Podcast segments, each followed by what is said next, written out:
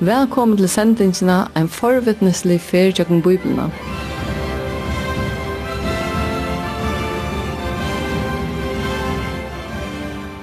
Og i hese senderøyene fer vi saman af ferast i jøkken fyrir for jeg får innlitt i dette stora og spennandi økje som Bibelian er.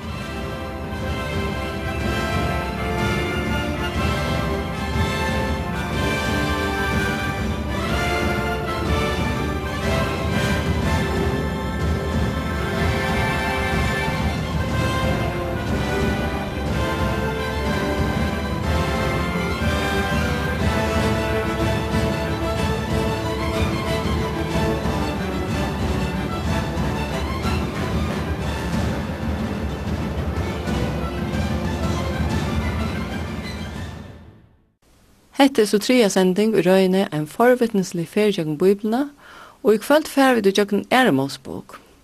Seinast am i kveld gjøkken gjennom vi første Mosbok om skapene, og så løyve til fem måneder, som er imenskan hatt ærmynda løyve til til tryggvante. Og hetta fer vi stutt av endertaka. Den første av hese måneder var Noah, som var bjerga vår fra vattenflåene, og er hetta en mynd av frelsene og nødja løyvene i Kristuset. Ta naste Abraham, lov ikkje hon lær okkon kva ta mestir av vera rattforskjørtur av trygg. Tri var Isakor som avmyndar okkar sonarkår, og fjore som Jakob er mynden av heilagjering, eit verk som god gjer ut av en tryggvande. Den femte, Josef, er mynden av durdargjering. Lov ikkje Josef er talar i mynden om vånena som öll tryggvande heva, og Og fyrsta Mosebok enda vi hesen åren i samband med Josef, at han var lagtur i kisti i Egyptalandet, og hans er endalig tørver var at hans er deilig lauter skulle være flottar ut ur Egyptalandet og inn i hitt lova i landet.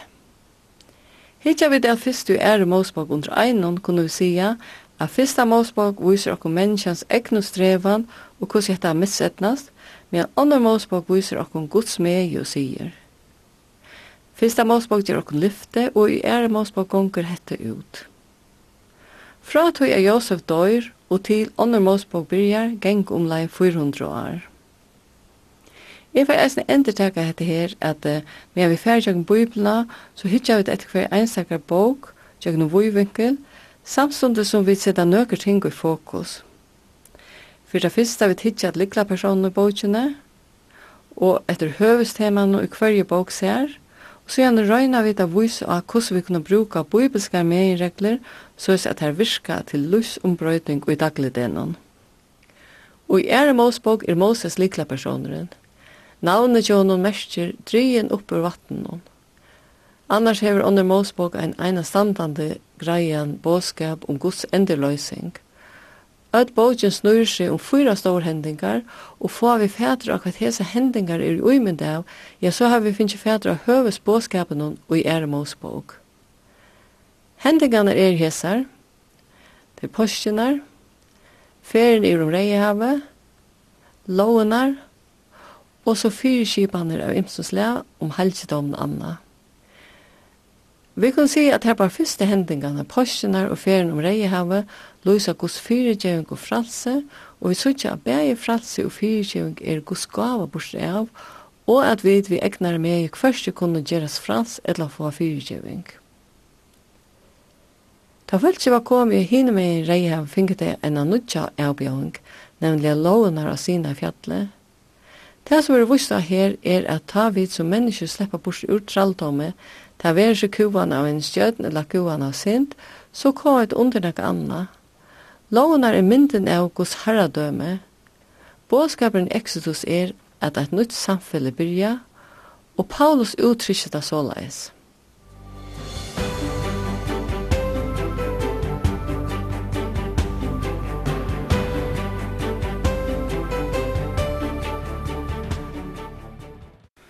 Nutja testamentet fyrra Korintbrev, kapittel 6, vers 19 og 20. Vita tid ikkje at tid eru ikkje tekkara egnu, tid eru durst kjept. Samstundet som Moses fikk lovunar av Sinai, fikk han eisne ena mynd av helgedovnun og fire skrifter om tabernakle, som skulle vera bostad og gods, og ta tabernakle var livet vera fyllt vi godsdord. Vi kunne byta ære Mosebok sundtru i tvær parster, Fyrir parstra bøkene fra kapittel 1 til 18 kan nevna sølig parstren, og han sier fra hva god gjørte fyrir hans folk skulle gjerast eit fralst folk. Seidne parster fra kapittel 9 til 4 kunne vi kalla lovgjøringen. Her vil sjakk fra hvordan er fralst folk skal fyrkipast. Ånder Mosbog er bogen om endeløysing eller utfrujan, og i fyrsta kapitlet sutja vi til folk som tralkar under Egypten utan egra framtid av vogn, kuv og vannvird. Kongrens rådde ta visste ikke om Josef. Israelsmenn nørdest i ståren, og hesen ville kongress stekka, og han gav til Gjerramøren bo om at drepe ødel drangja bøtt som ble født til Israelsmannen. Det stender at god hørte softare og kjendest vittar. Vi sutja fer et fer at ha god brøyte sjøvna, byrjar han ikkje vi en stor rombardia, men han byrjar vi at at baden være født. Og andre mås var byrja eisen vi at baden være født, under høttan om deia, men gos til hånd er iver som badne. Håas bøyene fra fara om at drepe öll hebraisk drengjabød, så vil Moses ikkje per bjergaver, men han vil underfotlan hatt båren bant inn i huset til fara, her han vekser opp, og ikkje bært hetta, men mamma hans har vært sett av radadda og ansa etter honom. Anki er tilvildarlig kja god. Moses vokste opp i hovet av faro og gjørst en vel lærte mever som hei lise vi beste taverande lærerstånar. Ta Moses var fullvaksen, lei god og han kallet til og Israel ut ur fengaskapet og leia teg ut i fralse. Moses var ut og røyndja gjerra Guds verk i egnar kraft. Vi minnas han drepa en Egypta, og nøytist du å flytje ut i øyemarsina, her han sætja seie og i fjördi år. Vashmani tosar einastani om hvordan god for gjøtla til verska at han skal utbyggva sin tænare, og Moses er et dømi om hetta. Moses byrja sitt løyvi av radrien upp ur vattnet, en hending som han ble myntra og fyrja for navnet Moses ble nevnt. Henda fyrste utfrujan var en sier i videianon. Nasta var at han sjálvbóin valde affæri ur kongsborgin Jafaro, og henda nasta utfrujan var tesen om at heldur ikkje heimeren hei valde honom. Så gjerne kom ein myrk tui, her som gavruk med var bort og gømter ute i øyemørskene. Men så kom kallet til hans vi hinn brennande tårnarunnen, da han var kallar til utfrujan ur utleggt og til ein anutja tegn. Han skulle være han som skulle leie Israel ut i fralse. Han var hardt rønter og våren eit nøydelig anpå til hetta store kallet. Atana at Moses seg bor seg undan kattelen om vi imiskun undan førslån, for han atter til Egyptalands, så som Herren har sagt, og kom beina veien og strøy vi faro. Her vil lese om dramatiske erbjørngar mittel faro og Moses, ein mynd av strøyna mittel Satan og Gud. Vi fer etter fer at hera sitt hjärsta nøytte faro og god at nøyta neka av sin veldig av måtte vi senda planar nyr iver Egyptaland.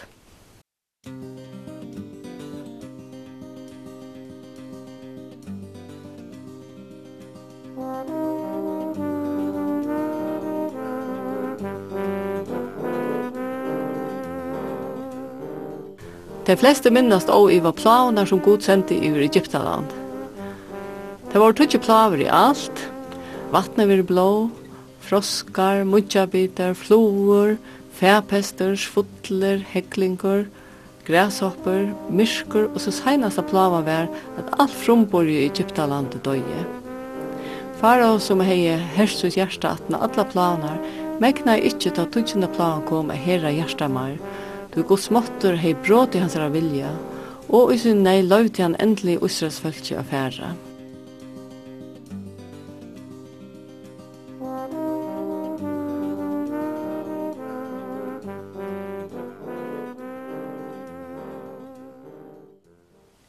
Det stendur eisen i samband vi planer av Herren sier mitt anna, men vi landen og gåsen, her som folk må bor skal ikke undantag, så ongar floer komme her. Og eisen sendte at best og gåsen her Israelsmenn boi var ungen heklinger, og i samband vi myskre, men alla sendi her som Israelsmenn boi her var ljøst. Jøkken tutsjende plavna veri bægi gos måttur og hans er karlægi åpenbæraver. Måtturinn til a refsa teg som velja a standa hon i måte, og karlægi og vern til tarra som seta sitt alit av han. Teg er jøkken hessa tutsjende plavna av påskamåltuinn som jødaner enn halda fyrir fram. Og midnattna for dess angelen gjøgn landet, og alt frombor i Egyptalandet døye, men israelitaner, tar som vi ein einfaldare troarhandling tog og blåve av en lampe, og smurte til av dora stavanar, og at rei i dornon var fullkomlig trygg, og ta stender såleis.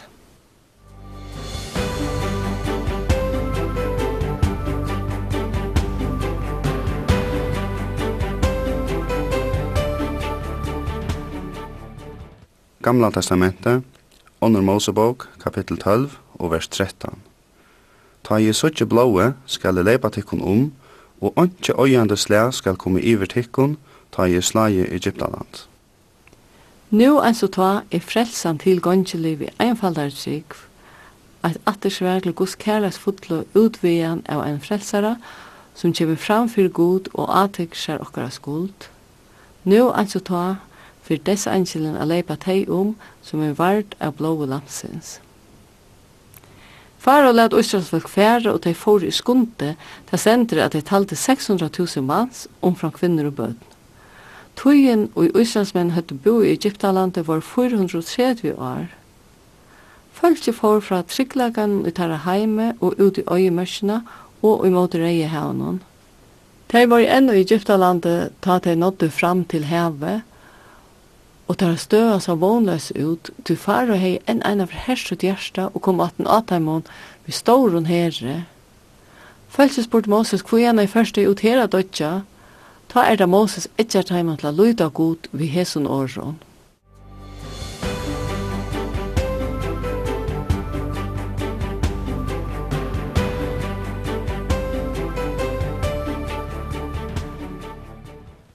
Under Mosebok, kapittel 14, vers 13. Rægist ikkje, stande nu først, så skulle du suttja frels og herrans. Og vers 14. Herren skal struja fyrir tikkun, medan tid skulle vera still. Vi do illa uimynda okkun støvna, her stendur alt fölkje, meir enn ein million i tale, vi Egypte herren i hølnun, og reie hevna framma fyrir sær. Hetta sa vonlest ut, Men Moses gjør som Herren sier vi igjen, han lytter staven, rattur ut hånden ur hevet, for jeg klikk ved hevet sunter, og så hendte det. Herren la sjekven svinna borster for høren estan storme, og så byrja jeg til første å genka.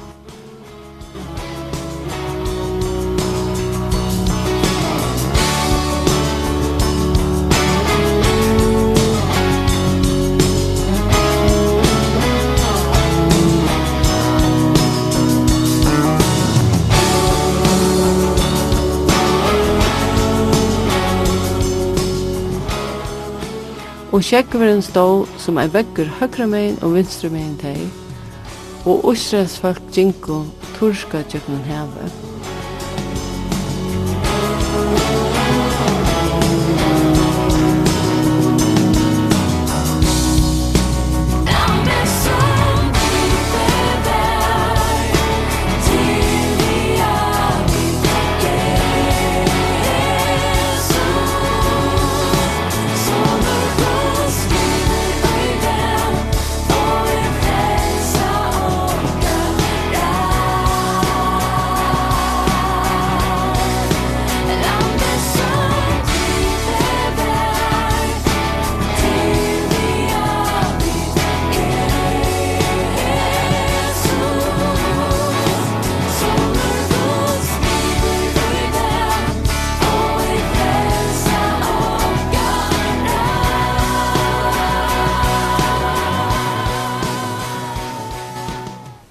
Ikkje som Israelfolk var kommet på land hine med ber Herren atter Moses ratta staven iver havet, og havet kom saman atter.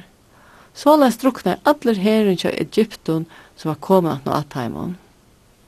Hending i rei havnen er ikkje bare en søvlig hending, men er eisne en kraft mykje fyrmynd fyr tutt og mutt loiv. Hetta er beina vei vi har sett okkar alit av Jesus Kristus, må vi bråta vi heimen. Egyptaland, land, som er mynda på heimen er atan fyrir okkon og okkar affær til lova i landet ligger framanfyrir. Israel kom i øyemersene hin med en reihave, men de var kommet trygt ur Egyptalandet og ur traldommen her. De var færen tjøkken vattnet, ta vi teka en støy for Kristus og dødja fra du gamla løyvenon, færen tjøkken tan kristna dopen, merser hetta, at vi teka stig ut ur det gamla, ut tralkande bonton, gamla løyver attanfere, og vi byrja et nytt liv i Kristus, en affær til lyftes landet. Og i kapittel 15 sutja vi da følge synge låsong til Herran, og i Egyptalandet var ungen låsonger. Så gjerne kom det til Mara, her vattnet var bakst. Lange tak knarra i følge. Herre rønde det her, men Moses kastet et tre ut i vattnet. Ein mynd av krossen og vattnet ble søtt. Træet som Jesus var krossfester av er eisne nu av løs mot synd og bæskun svaron. Så jeg leser vidt om hvordan god sier til fyrteimen, vi er gjerne manna eta, men vi sørger eisne at jeg høyde trobelt vi av løyen og fylgja god skreie og einfalde reglån. Da det hadde vært i øyemørsen trutja manar kom det i strøy vi amalekittar. Vi sørger i kapittel 16, vers 8, at amalekittar herja og israelsmenn, Legg til merkes at nu sier Moses ikkje, Herren skal struja for dykko, men ver tidsstill. Men Moses sier vi Josva.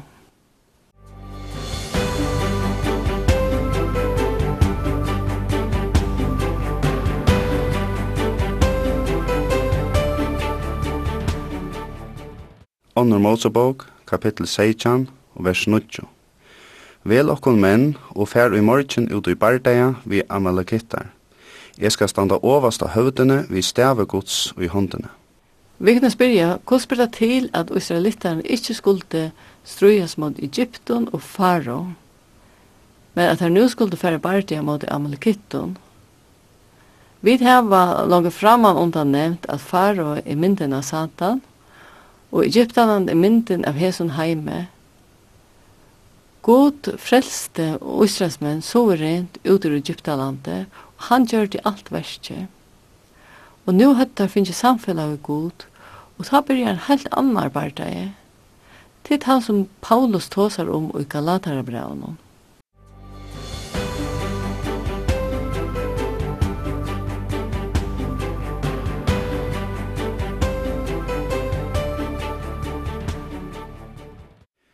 Nudja testamentet, Galaterbrevet, kapittel 5, vers 16 og 16. Livi i andanon, så fullføra tid ikkje gjernt holdsins. Tu holde gjernast mot i andanon, og anden mot i holdenon. Hese standa kvørst øron i måte, fyrir at tid ikkje skulle gjera det som tid vilja. Jeg vil så skilja vid, at har vi da finnje andagos, så ver ein støver barda i mittel hold og anda. Hette er just det som Amalekittar er en vinde av. Alla sine skriftene er Amalek en mynd av holdnån. Jeg vil kunne eisen si at det er helt avfædeligt at amalekitter i høyre torja og Israels folk at han alt er undren som god har gjørst middels ut folk. Men det er just den samme bardei som fyr fram enn i det. Under Mosbok kapittel 16 enda vi hesson åren. Herren hever krutsk vi Amalek, mann etter mann. Vi er nå kommet til den fyrre parten av er Mosbok, og Israels folk er våre en fralstjå. Hilden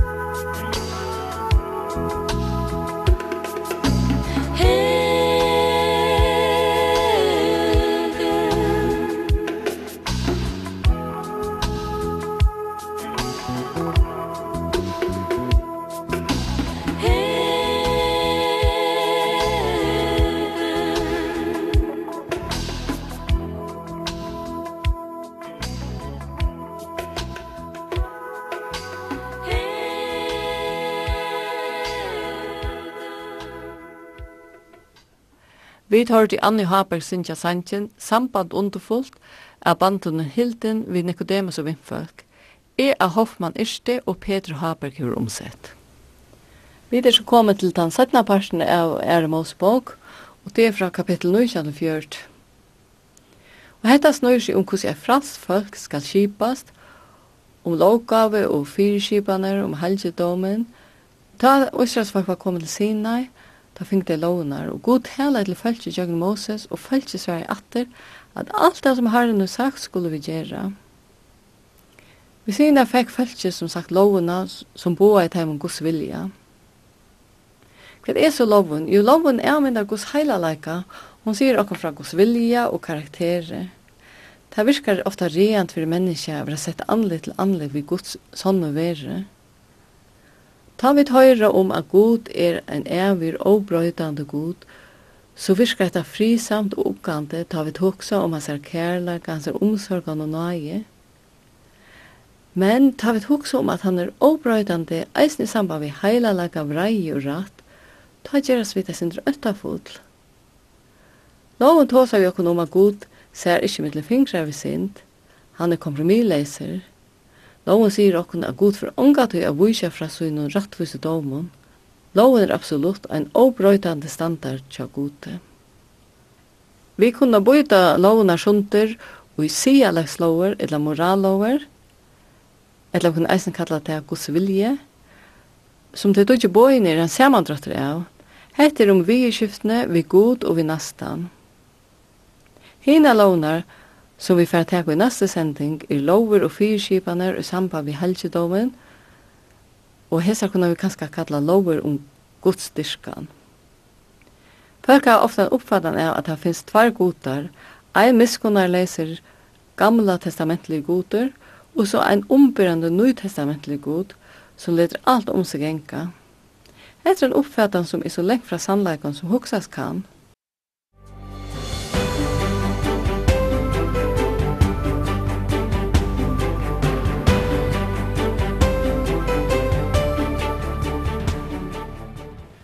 Nudja testamentet, Matteus er evangeliet, kapittel 5, vers 48. Tid skulle være fullkommen, ens og himmelske fægir tikkara er fullkommen. Men så kan jeg spyrja, hvordan kan Gud vanta at vi kunne være fullkommen? Hvordan kan han vanta at vi kunne halda hans lover, utan å gjøre mistøk og synda? Sverige er at han vantar han altså ikke. Men han er samståndsgjørt en utve, så at okkar synder kunne være fjaldar i Kristuset. I gamla testamentet levde Israel under lovene, men loven var ikkje givet for at vera tæra frelsare, men hun var givet for å avduka tæra sint, og for at det skulle gjerast helt grei iver tæra vånløse støve utan Guds frelsande nei.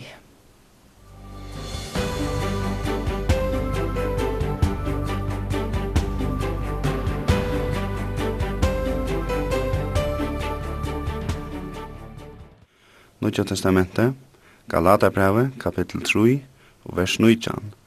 Hva skulle loven ta til? Jo, hon var løgna træt, fyrir at lovbrotene skulle koma fyrir dagen. Og vers 24. Såleis er loven våren i okkara til Kristus, fyrir at vi skulle vera rett og stjørt vid trygg. Vi får ikke stundra djøgningenga tabernakli i kvöld, men fyrir neste fyrir a greia fra halvdomen og hvat han avmyndar. Jeg får et enda vi å nevne til, som Jesus sier i Matteus 22, at det store og første bøy er, du skal elske Herren godtøyne av ødlun hjertetøyne, av alle sjaltøyne og av ødlun hoatøynen. Men et annet bøy er som lukt, det er at du skal elske nastatøyen som du sjølvan, og her som baun bøvun kvila ødloven og profetene.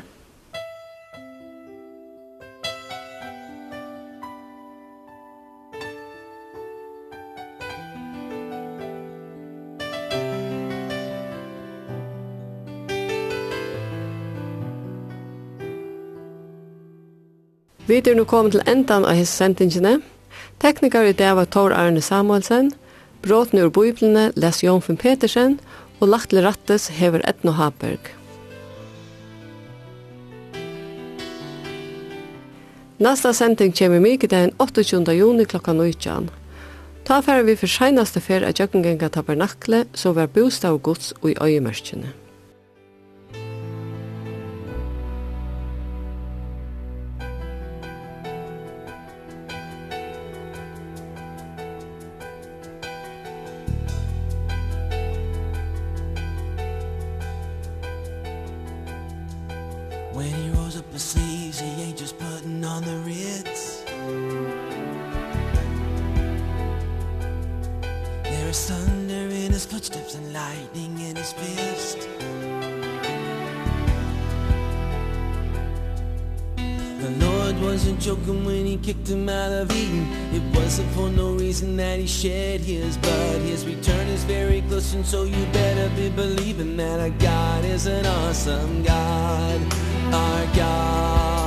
is an awesome God. He reigns From heaven above with wisdom bar and love. Our God is an awesome God.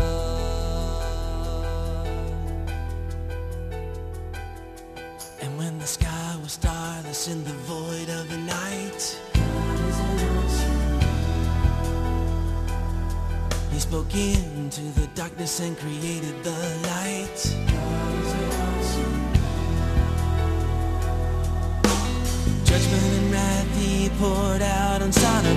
Mercy and grace he gave us at the cross. I hope that we have not too quickly forgotten That our God is an awesome God. Our God is an awesome God. He reigns from heaven above With wisdom, power and love. Our God is an awesome God an awesome God